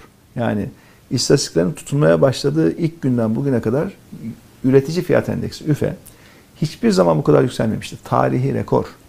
Şimdi enflasyon yüzde 40 diye övünebilir mi? 40'a düşürdüm diyor. Ya 40'a düşürdüm kardeşim. Yıllarca enflasyon tek hane gitti bu ülkede yani. Başarıdan bahsedeceği anda makroekonomiyle ilgili, başarılardan bahsedeceği anda müflis tüccar bir gidiyor, eski defterleri karıştırıyor. Eski defterleri karıştırdığında bir bakıyor karşısına ben çıkıyorum. Morali bozuluyor, kafası bozuluyor. Bu sefer başlıyor bebecan diyor. Yok emekliyordu diyor. Git bebek bezi sat diyor falan filan. Yani çünkü içten içe, iç duygu dünyasında bunu biliyor. Bunu biliyor. Eski başarılardan ne zaman bahsetse dikkat edin. Şöyle bir kelime analizini yapın. Son bir yıllık konuşmalarına. Faizi şu kadar düşürdüm. Paradan 6 sıfır attım demiyor. Orada durmuyor. Ondan sonra hemen bebecan diyor. Çünkü aklına ben geliyorum. Çünkü o gerçek gerçekten kaçması mümkün değil yani. Ya ben derken kendime de çok fazla hani şey yüklemek doğru değil. Biz bunu ekip olarak, kadro olarak yaptık yani. Ya ben o günkü ekonomi kadrosunun başındaydım. Ama o kadroyu da ben kurdum açıkçası. Kendisine rağmen kurdum bu kadroyu. Yani Kendisine Merkez rağmen kurdum Tabii diyorsun. ki düzgün insanları tutmak için sistemde büyük mücadele ettik yani.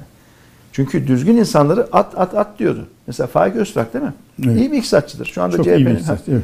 Şimdi Faik Öztürk hazine müsteşarıydı. Ben hazine bakanı oldum. Ve hemen hemen at bunu. At bunu. Süreyya Serden geçti. Merkez Bankası Merkez. Başkanı. At bunu. E niye? Ya Süreyya Bey iyi bir Merkez Bankası Başkanı. Çok iyi bir merkez. Tekniği kuvvetli. Orada iyi bir teknik birikim var. Ve Merkez Bankası bağımsız olmuş. Bağımsız olduktan sonra bu arkadaşlar göreve gelmiş ve iyi yönetiyorlar yani. Ve bağımsız. Ben niye değiştireceğim? Hazine Müsteşarı bağımlı bir kuruluş. Hazine. Dolayısıyla ne yaptık? Biz Faik Bey'le yaklaşık 6 ay falan çalıştık Faik Öztürk'la. Ama ondan sonra baktım şey değil artık yani e, ilişki yıpranıyor. Her gün her gün değiştir şunu, değiştir şunu, at şunu, Sebep at şunu falan filan Kimlikleri mi? bizim adamımız olsun. Ama ne yaptık biz o zaman? Baktık hazine müsteşarını kim yapar diye iyice araştırdık araştırdık. Ben Faik Bey'le de konuştum. Ya Faik Bey dedim durumu biliyorsun. ya bir değişiklik gerekecek. Senin bana önereceğin bir isim var mı dedim. Faik Bey de bana İbrahim Çanakçı'yı önerdi o zaman. Başka arkadaşlardan da geldi aynısı. İbrahim Çanakçı şimdi en yakın İbrahim arkadaşım. Çanakçı o gün e, e, BDDK'da ikinci başkan. Tam da bankacılık krizinin çözüldüğü dönemde. DPT kökenli ama konjonktür dairesi başkanı. Evet. Tam ekonomiyi 360 derece bilen birimdir o DPT'de konjonktür dairesi. Onun başkanı. Oradan BDDK'ya geçmiş ikinci başkan. Tam da o batık bankaların çözümlenmesi şu bu falan. Yani çok güzel bir tecrübe. Ve biz o zaman ne yaptık? BDDK'dan aldık. İbrahim Bey'i hazine müsteşarı yaptık ve tam 11 yıl İbrahim Bey hazine müsteşarı oldu. Ekonominin tam o Faik Bey roketin, tercih, roketin fırlaması gibi olduğu. tercih yaparken başarılı. kimlik şeyi yapmamış. Yani yani çünkü Ya İbrahim şöyle Bey- biz, İbrahim Bey şöyle yani e, hani çok demokrat kişiliği olan bir arkadaşımız. Hani Elazığlı. Yani iyi bir aileden geliyor. E, hani Anadolu insanı. Evet. Öyle diyeyim. Dolayısıyla hani Tayyip Bey'in şeyiyle hani o zihin dünyasıyla çok da farklı düşen bir kimlik değil yani hani. Onu da görmüş oldu, anlamış oldu. Çünkü o zaman biliyorsunuz üçlü kararname yani. Bakan imzalıyor, başbakan imzalıyor, cumhurbaşkanı imzalıyor. Müsteşar üçlü kararnameyle atanıyor. En sonunda da cumhurbaşkanını ikram etmeniz gerekiyor yani. O da, o da ayrı bir safha. Ee, dolayısıyla ve çok çok da iyi sonuçlar aldık. Ee, Süleyha Bey'i son gününe kadar tuttuk Merkez Bankası Başkanı olarak. Son gününe kadar. Yani ondan sonra da Durmuş Bey'i görevlendirdik biliyorsunuz Durmuş Yılmaz'ı.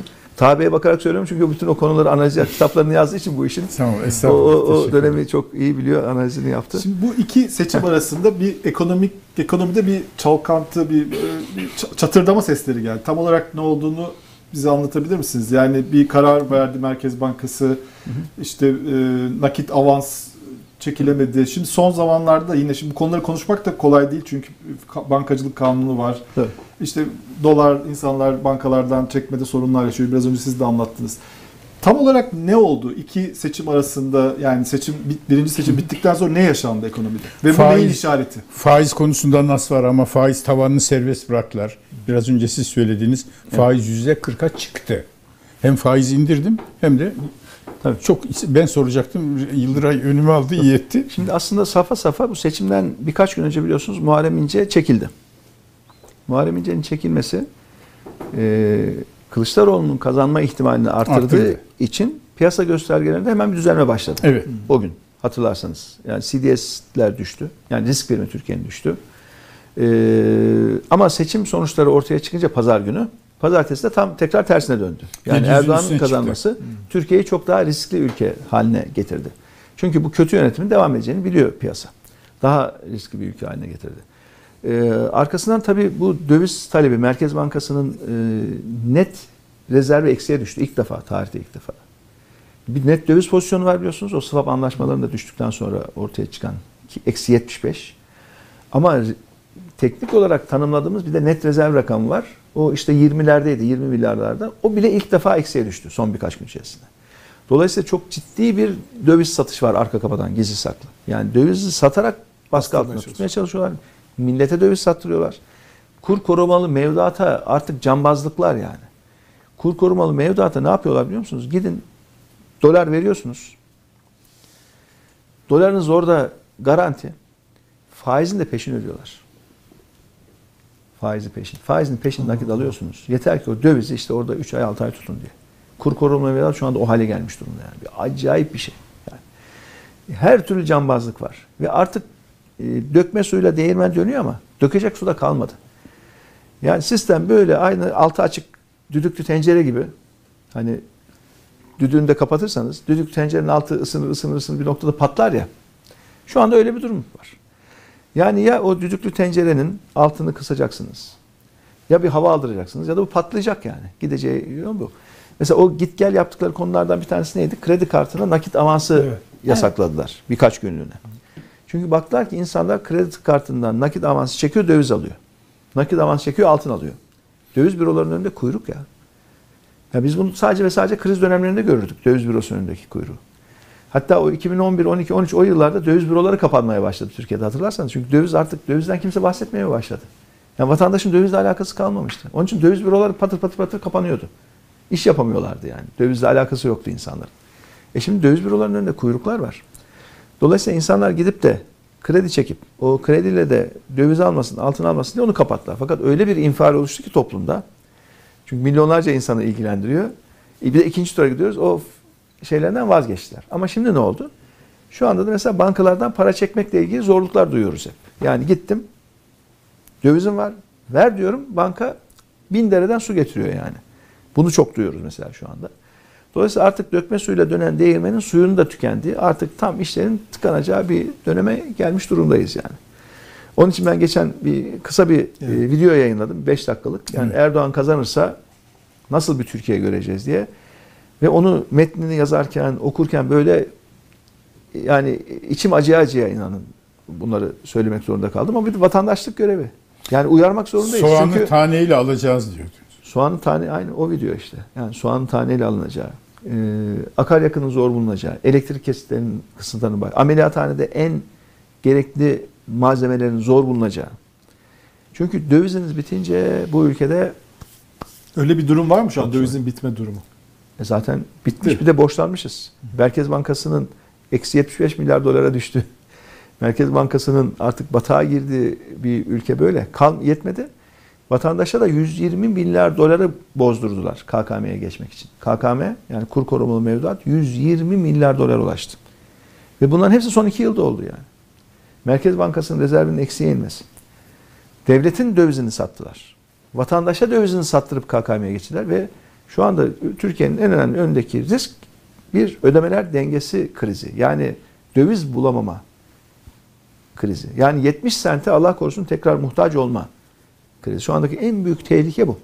Çünkü bu kafayla giderlerse ekonomi politikasında köklü bir değişiklik yapılmazsa ülkenin gideceği yer çok kötü bir kriz Allah korusun. yani. Peki bu seçimde Ve bunu bunu sadece bir genel başkan olarak değil, bir vatandaş olarak ve hani az çok iktisat konularına aşina olan bir insan olarak ben bunu söylüyorum ve vatandaşlarımıza uyarma görevim var, sorumluluğum var. Bunu söylemesem vebal olur üzerimde yani. Çünkü derler ki e biliyordun da niye söylemedin? Keşke bizi uyarsaydın. Yani bunu söylemek, açıklamak benim vatandaşlık görevim aynı zamanda. yani. 28 Mayıs'ta seçmenin tercihi yine sizin öngörünüz nedir?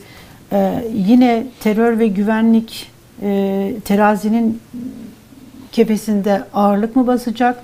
Yoksa bu 15 günlük sürede sizler hani Türkiye'nin böyle bir sorunu yok. Hmm, Asıl sorun bu. Buyu anlatabildiniz mi? Anlatabiliyor musunuz? Yani terör sorunu var Türkiye'nin ama bu sorunu asıl çözecek olan biziz. Çünkü terör sorununu çözemeyen bir hükümet var aynı zamanda. Hayır, ben Yani montaj terör- anlamında yani iktidarın propagandasını anlamında sordum. Şöyle vatandaşlar şimdi bu bu yalanı anladı. Yani şu şu yalan ortaya çıktı. Ama montaj ama şu bu. Değil mi? Evet. Kendi ifadesi. Gitti Cumhurbaşkanlığı sözcüsü de söyledi. Yani evet bu gençlerin yaptığı bir şeydi. Gençlerin yaptığı bir şeydi. Tamam. Gençleri de teşvik ediyor. E bu demek ki terör propagandası yalanmış. Yani Evet. o ortaya çıktı. Dolayısıyla seçmenlerimizin bundan sonraki süreçte artık e, bunu da dikkate almaları. Evet terör diye bir riski var Türkiye'nin. Terör diye bir sorunu var. Ama biz bu terörle mücadelede çok kararlı bir tutum ortaya koyacağız. Terörle mücadelede sadece silah değil, her türlü enstrümanı kullanarak çatışma çözümü alanını da kullanarak bir çözüme ulaştıracağız diyoruz. Burada yepyeni bir perspektif getiriyoruz terörle mücadeleye. Dolayısıyla gerçek çözüm burada diyoruz. Bırakın teröre böyle kapı açık tutmak tam tersine sonuna kadar mücadele edeceğiz diyoruz. Bunu söylüyoruz ve hükümetin bu propagandasında yalanlara dayanan bir propaganda olduğunu söylüyoruz. Umuyoruz ki bu etkili olur. Çünkü son bir, birkaç günde gelen sonuçlar, araştırmalar o aradaki farkın epey bir kapanacağı yönünde. Yani onunla ilgili de böyle epey bir şey görmeye başladık son Rakam günlerde. verebiliyor musunuz? Ya şimdi 4,5 puan fark var ya 4,5 puan böyle azalıyor, azalıyor, azalıyor, azalıyor. İşte 28 Mayıs'ta inşallah o fark kapanıp e, bir miktar üzerine çıktığı anda bu iş bitecek, seçimi kazanacağız gibi görünüyor. Yani. Siz bu kafayla giderlerse e, dediniz. Tayyip Erdoğan'ın e, bu 2002'deki havasına girip tamam Merkez Bankası bağımsız, hazineye şu liyakatli adamı getirdim, yargı bağımsız olacak.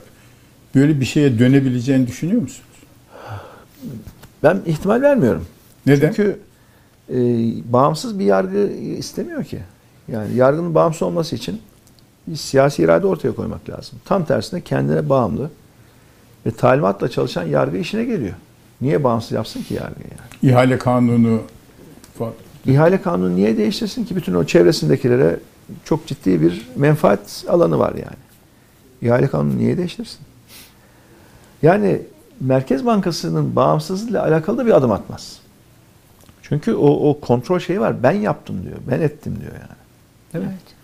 Ondan bu yaştan sonra ve bu kadar yıldan sonra kolay kolay vazgeçmez. Ha yani birdenbire birisini Merkez Bankası'nın başına getirip de hadi bakalım bir ay iki ay yap bir görelim ne yapacaksan deyip serbest bırakır mı bilemiyorum yani. Evet. Ama o ihtimali ben e, zayıf görüyorum. Kolay kolay o ihtimale prim vermiyorum yani. Programı yavaş yavaş toparlıyoruz. Tamam. Son soruları alacağım. Benim son Buyurun sorum ta- buydu. Buydu. Yıldıray. Ben aslında bunu soracaktım. Yani orada bir e, sonuçta siz diyorsunuz ki böyle duvara doğru giden bir ekonomi var. İyice çarpacak ve hani bir yerde artık hiçbir şey kontrol edilmez hale gelecek. E sonuçta e, bir 5 yıllık yetki alacak gelen iktidar. Bir yok mu bir planları? Yani çünkü bir, bir grup insan da şöyle düşünüyor. Diyor ki yani çözerse yine o çözer diyor. Ya şöyle önce yapalım sonra düşünelim. İş yapma tarzı bu. Yani onun için bizim mali kurala engel oldu. Yani biz mali kuralla mesela ne yapacaktık? Türkiye'nin maliye politikalarını yani bütçe dengesini uzun vadeli bir kurala bir esasa bağlayacaktık ki öngörülebilirlik gelsin. Böylece sadece bağımsız Merkez Bankası değil, para politikalarındaki sağlam duruş değil, aynı zamanda maliye politikalarında da öngörülebilir bir e, resim oluşturalım istedik. Ama kesin reddetti. Çünkü kural kuralla uymak gibi bir şey yok. Kural sevmiyor yani. E, aklıma geleni yapayım diyor. Şimdi kuralla, kayıtla, hukukla, hatta anayasayla kendisini bağlamak istemeyen bir yönetim zihniyeti var burada yani. Onun için e, ya biz ben onun için AK Parti'den ayrıldım. Biz arkadaşlarımla onun için Deva Partisi'ni kurduk. Yani buradan asla Türkiye için bir şey olmayacak artık. Türkiye'ye faydalı bir şey üretmeyecek. Türkiye'nin sorunlarını çözemeyecek. Buna kesin kanaat getirdikten sonra biz artık ayrıldık. Hazırlıklarımızı yaptık. Deva Partisi'ni kurduk ve yola çıktık. Bir ümidimiz olsaydı hala orada çaba gösterirdik değil mi? Yani hala katkımız olsun. Hala destek verelim. Hataları düzeltelim. Bir öyle hataları düzeltecek falan gücümüz kalmadı. Karar verecek bir yetkimiz yok. Üstelik o kötüye gidişinde tam içindeyiz ve görüyoruz yani. Bir ihtimal, bir ışıltı bir şey görseydik hala orada bir mücadele verirdik içeride. Bunun kesin olarak bittiğini, artık olmayacağına kesin kanaat getirdik. Ondan sonra Deva Partisi'ni kurduk. Ve partimizi kurduk kuralı işte sizin de yayınlarda, arşivden de bulduğunuz, gösterdiniz. Sürekli kötüye, kötüye, kötüye, kötüye gidiyor. E böyle de devam edecek yani. Çünkü düzelmesi için bu sebep sonuç ilişkisi. Yani sebepler değişmeyince sonuçlar değişmez ki. Yani işin sebebinde kötü yönetim var. Liyakatsizlik var. istişaresizlik var. Hukuk tanımamazlık var. Bunları çözmeden, sebeplerini çözmeden sonucu değiştiremezsiniz yani. Aynı sebepler aynı sonuçlara yol açacak. Bir sürü kötü sebep var, kötü sonuca yol açacak. Bu da böyle devam edecek maalesef. Peki şimdi hep mesela ben ben son sorumu soruyorum. Ee, hep konuşulan kamuoyunda da Millet İttifakı'na oy veren e, kesimlerde de konuşulan bir şey var. Millet İttifakı işte ortak politikalar metnini açıkladınız. Daha işte güven veren bir fotoğraf neden koymuyorsunuz? Mesela bakanlarınız ekonomiyi kim yönetecek?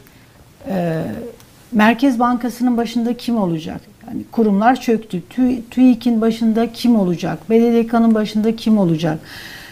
Böyle bir tabloyu neden açıklamıyorsunuz? Yani Türkiye'yi e, evet altılı masa yönetecek ama hangi kadrolarla ve kimlerle yöneteceğinizi açıklamak da ciddi bir hamle olmaz mı? Aslında şöyle zaten biz altı genel başkanız. İki de Büyükşehir Belediye Başkanı var. Evet. Değil mi? Zaten sekiz isim olarak ortadayız. Yani bu sekiz isme bir beş isim daha ekleyelim, bir on isim daha ekleyelim. Yani sorunu ben pek oralarda görmüyorum açıkçası. Hayır, Çünkü bizi olabilir. bağlayan, yani bizi siz bağlayan- mesela diyebilirsiniz ki Evet. ben Ali Babacan eğer e, Millet İttifakı 28 Mayıs'ta biz seçimi Cumhurbaşkanı yani yürütme olarak biz kazanırsak ekonomiyi ben yöneteceğim. Yani ekonomi yönetecek kadronun başında ben olurum. Bu belki hani Türkiye'ye güven vadeden bir şey. Aslında Benim şu- dediğim bu. Yani Öyle de- konuşulan da bu kamuoyunda. Doğru yani bu talepler de bize geliyor ama tam tersi talepler de geliyor. Hatta ne diyorlar? Bu 8 kişi biraz fazla oldu. Evet. Herkes feragat etsin. Bir tek Sayın Kılıçdaroğlu kalsın. Çünkü böyle 8 kişiyle olmaz bu iş. Çok kalabalık. Evet. Gültekin, diyenler de Uys- var. Gültekin Uysal da bu Şimdi tam bir şimdi iki, yaptı. iki yönde de var yani. Biraz daha isim açıklayan diyenler de var. Bu 8 kişi fazla bunu biraz azaltın diyenler Siz de ne var. düşünüyorsunuz bu Dolayısıyla- ilgili? Yani feragat edebiliriz deniyor Cumhurbaşkanı Ya Yardımcısı. biz bunların hepsini çok düşündük. Yani şimdi seçime 3 kala. Ne yapsanız bu yanlış anlaşılır yani.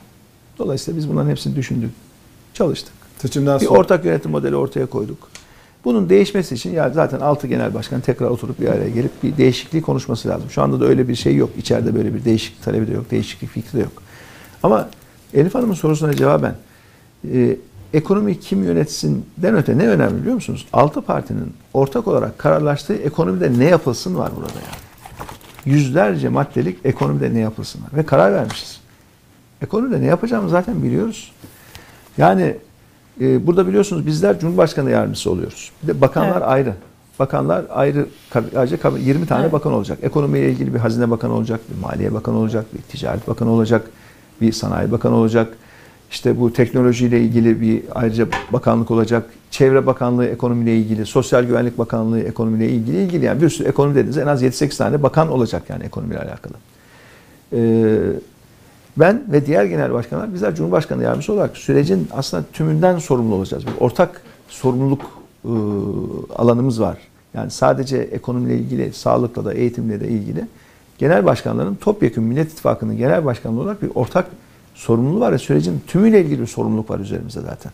Burada önemli olan e, ekibi kurarken, bakanları belirlerken gerçekten o işi yapabilecek bakan isimlerini belirlemek ki çok isim var elimizde. Çok yani her bakanlıkla ilgili 3 tane, 5 tane rahat düzgün o işi yapabilecek insanlar var. E, kaldı ki mesela sadece ekonomiyle alakalı biz ne yaptık? İstanbul mitinginin sabahında 6 partiden ikişer arkadaşımızı e, bir kahvaltıya gönderdik. Onlar oturdular. 12 kişi 12 imzayla bir bir sayfalık ortak bir şey yayınladılar. Bir açıklama yaptılar mesela. Onun özünde de bu var. Dolayısıyla kim olursa olsun yapılacaklar belli. Onun için kim sorusuna çok takılmadan ne yapacağımıza odaklanmak lazım. Ama görevlendirme yaparken de ister bakan olsun ister bürokrat olsun o işi en iyi kim yapacaksa o. Ya ben şeye de karşıyım böyle partilerin bakanlık paylaşması falan. Ya bir dakika ne, ne paylaşıyorsun? Ne oluyor yani? Ganimet mi paylaşıyorsun? Ne oluyor? Ya biz beraberce nasıl yöneteceğiz peşinde olması lazım. Yani amaç bu. Beraber nasıl yöneteceğiz? Hangi bakanlık olursa olsun. Benim adamım onun adamım değil ya. A partisi olsa B partisi olsa ne, ne fark edecek? Milli Eğitim Bakanı. Senin partiden mi benim partiden mi? Eğitimde çuvalladıktan sonra hepimizin başarısızlığı olacak bu. Ha, eğitimde başarılı olursak da hepimizin başarısı olacak. Milli Eğitim Bakanlığı'nı en iyi kim yapar? Kimin elinde hangi isimler var? Havuza koymamız lazım, onun içinden de seçmemiz lazım. Yoksa o senin olsun, bu benim olsun, hani paylaşalım. Bunlar doğru yaklaşımlar değil. Bunlar o eski hastalıklı dönemin e, yaklaşımları. Burada beraberce nasıl yöneteceğiz? O bakanlık için elimizdeki isimlerden en iyisi kimdir? En iyi kim yapar? Partisine de şuna da buna da fazla bakmadan koymak lazım adını. Ha şunu da yazdık biz ortak politika metninde. Yani bakanlıkların sayısı dedik e, milletvekili sayısıyla orantılı olsun dedik. Hani bir belirlilik kazandırmak için ama bu çok da o kadar da şey değil yani. Hani bir tane öyle olmuş, bir tane böyle olmuş. Ya öyle bir isim olur ki çok sağlam, güzel bir isim olur. Ne olacak? Biz feragat ederiz oradan yani. Doğru dedi bu arkadaş olsun yeter ki deriz yani. Mesela öyle bir isim olur ki tamam deriz geçeriz. Bunlar çok mesele değil yani. Şey değil çünkü burada bir Evet. buraları biz bir, bir partilerin menfaatleneceği bir alan olarak görürsek hani paylaşma, menfaatlenme alanı olarak görürsek çok yanlış yani. O bir siyasetin eski hastalığı. Halbuki beraberce bu nasıl başarılı olacağız? Kendi insan kaynağı havuzumuzu nasıl ortaya koyup beraberce nasıl daha iyi yöneteceğiz bu ülkeyi? Yani o şekilde düşündükten sonra işler çözülür. Evet. Çok teşekkür ediyorum. Çok sağ Ben olun. teşekkür ederim. Sağ olun. Ee, Evet, seçimde son düzlüğe girdik. Ee, Türkiye ilk kez bir e, bir şeyi tecrübe edecek. Cumhurbaşkanlığı e, seçiminde ikinci tur. Dünyada pek çok ülke var ki ikinci turda işte ara kapanıp e, çok daha farklı sonuçların çıktığı ülkeler var. Türkiye'de bu nasıl olacak? 28 Mayıs Pazar günü bunu deneyimleyeceğiz, göreceğiz. Ee, Karar TV ekranlarındaydık. Gündem özel programında e, Deva Partisi lideri Ali Babacan'ı ağırladık. Taha Akyol ve Yıldıray Or'la beraber sorduk. Bir sonraki gündem özel yayınında görüşünceye kadar kendinize iyi bakın.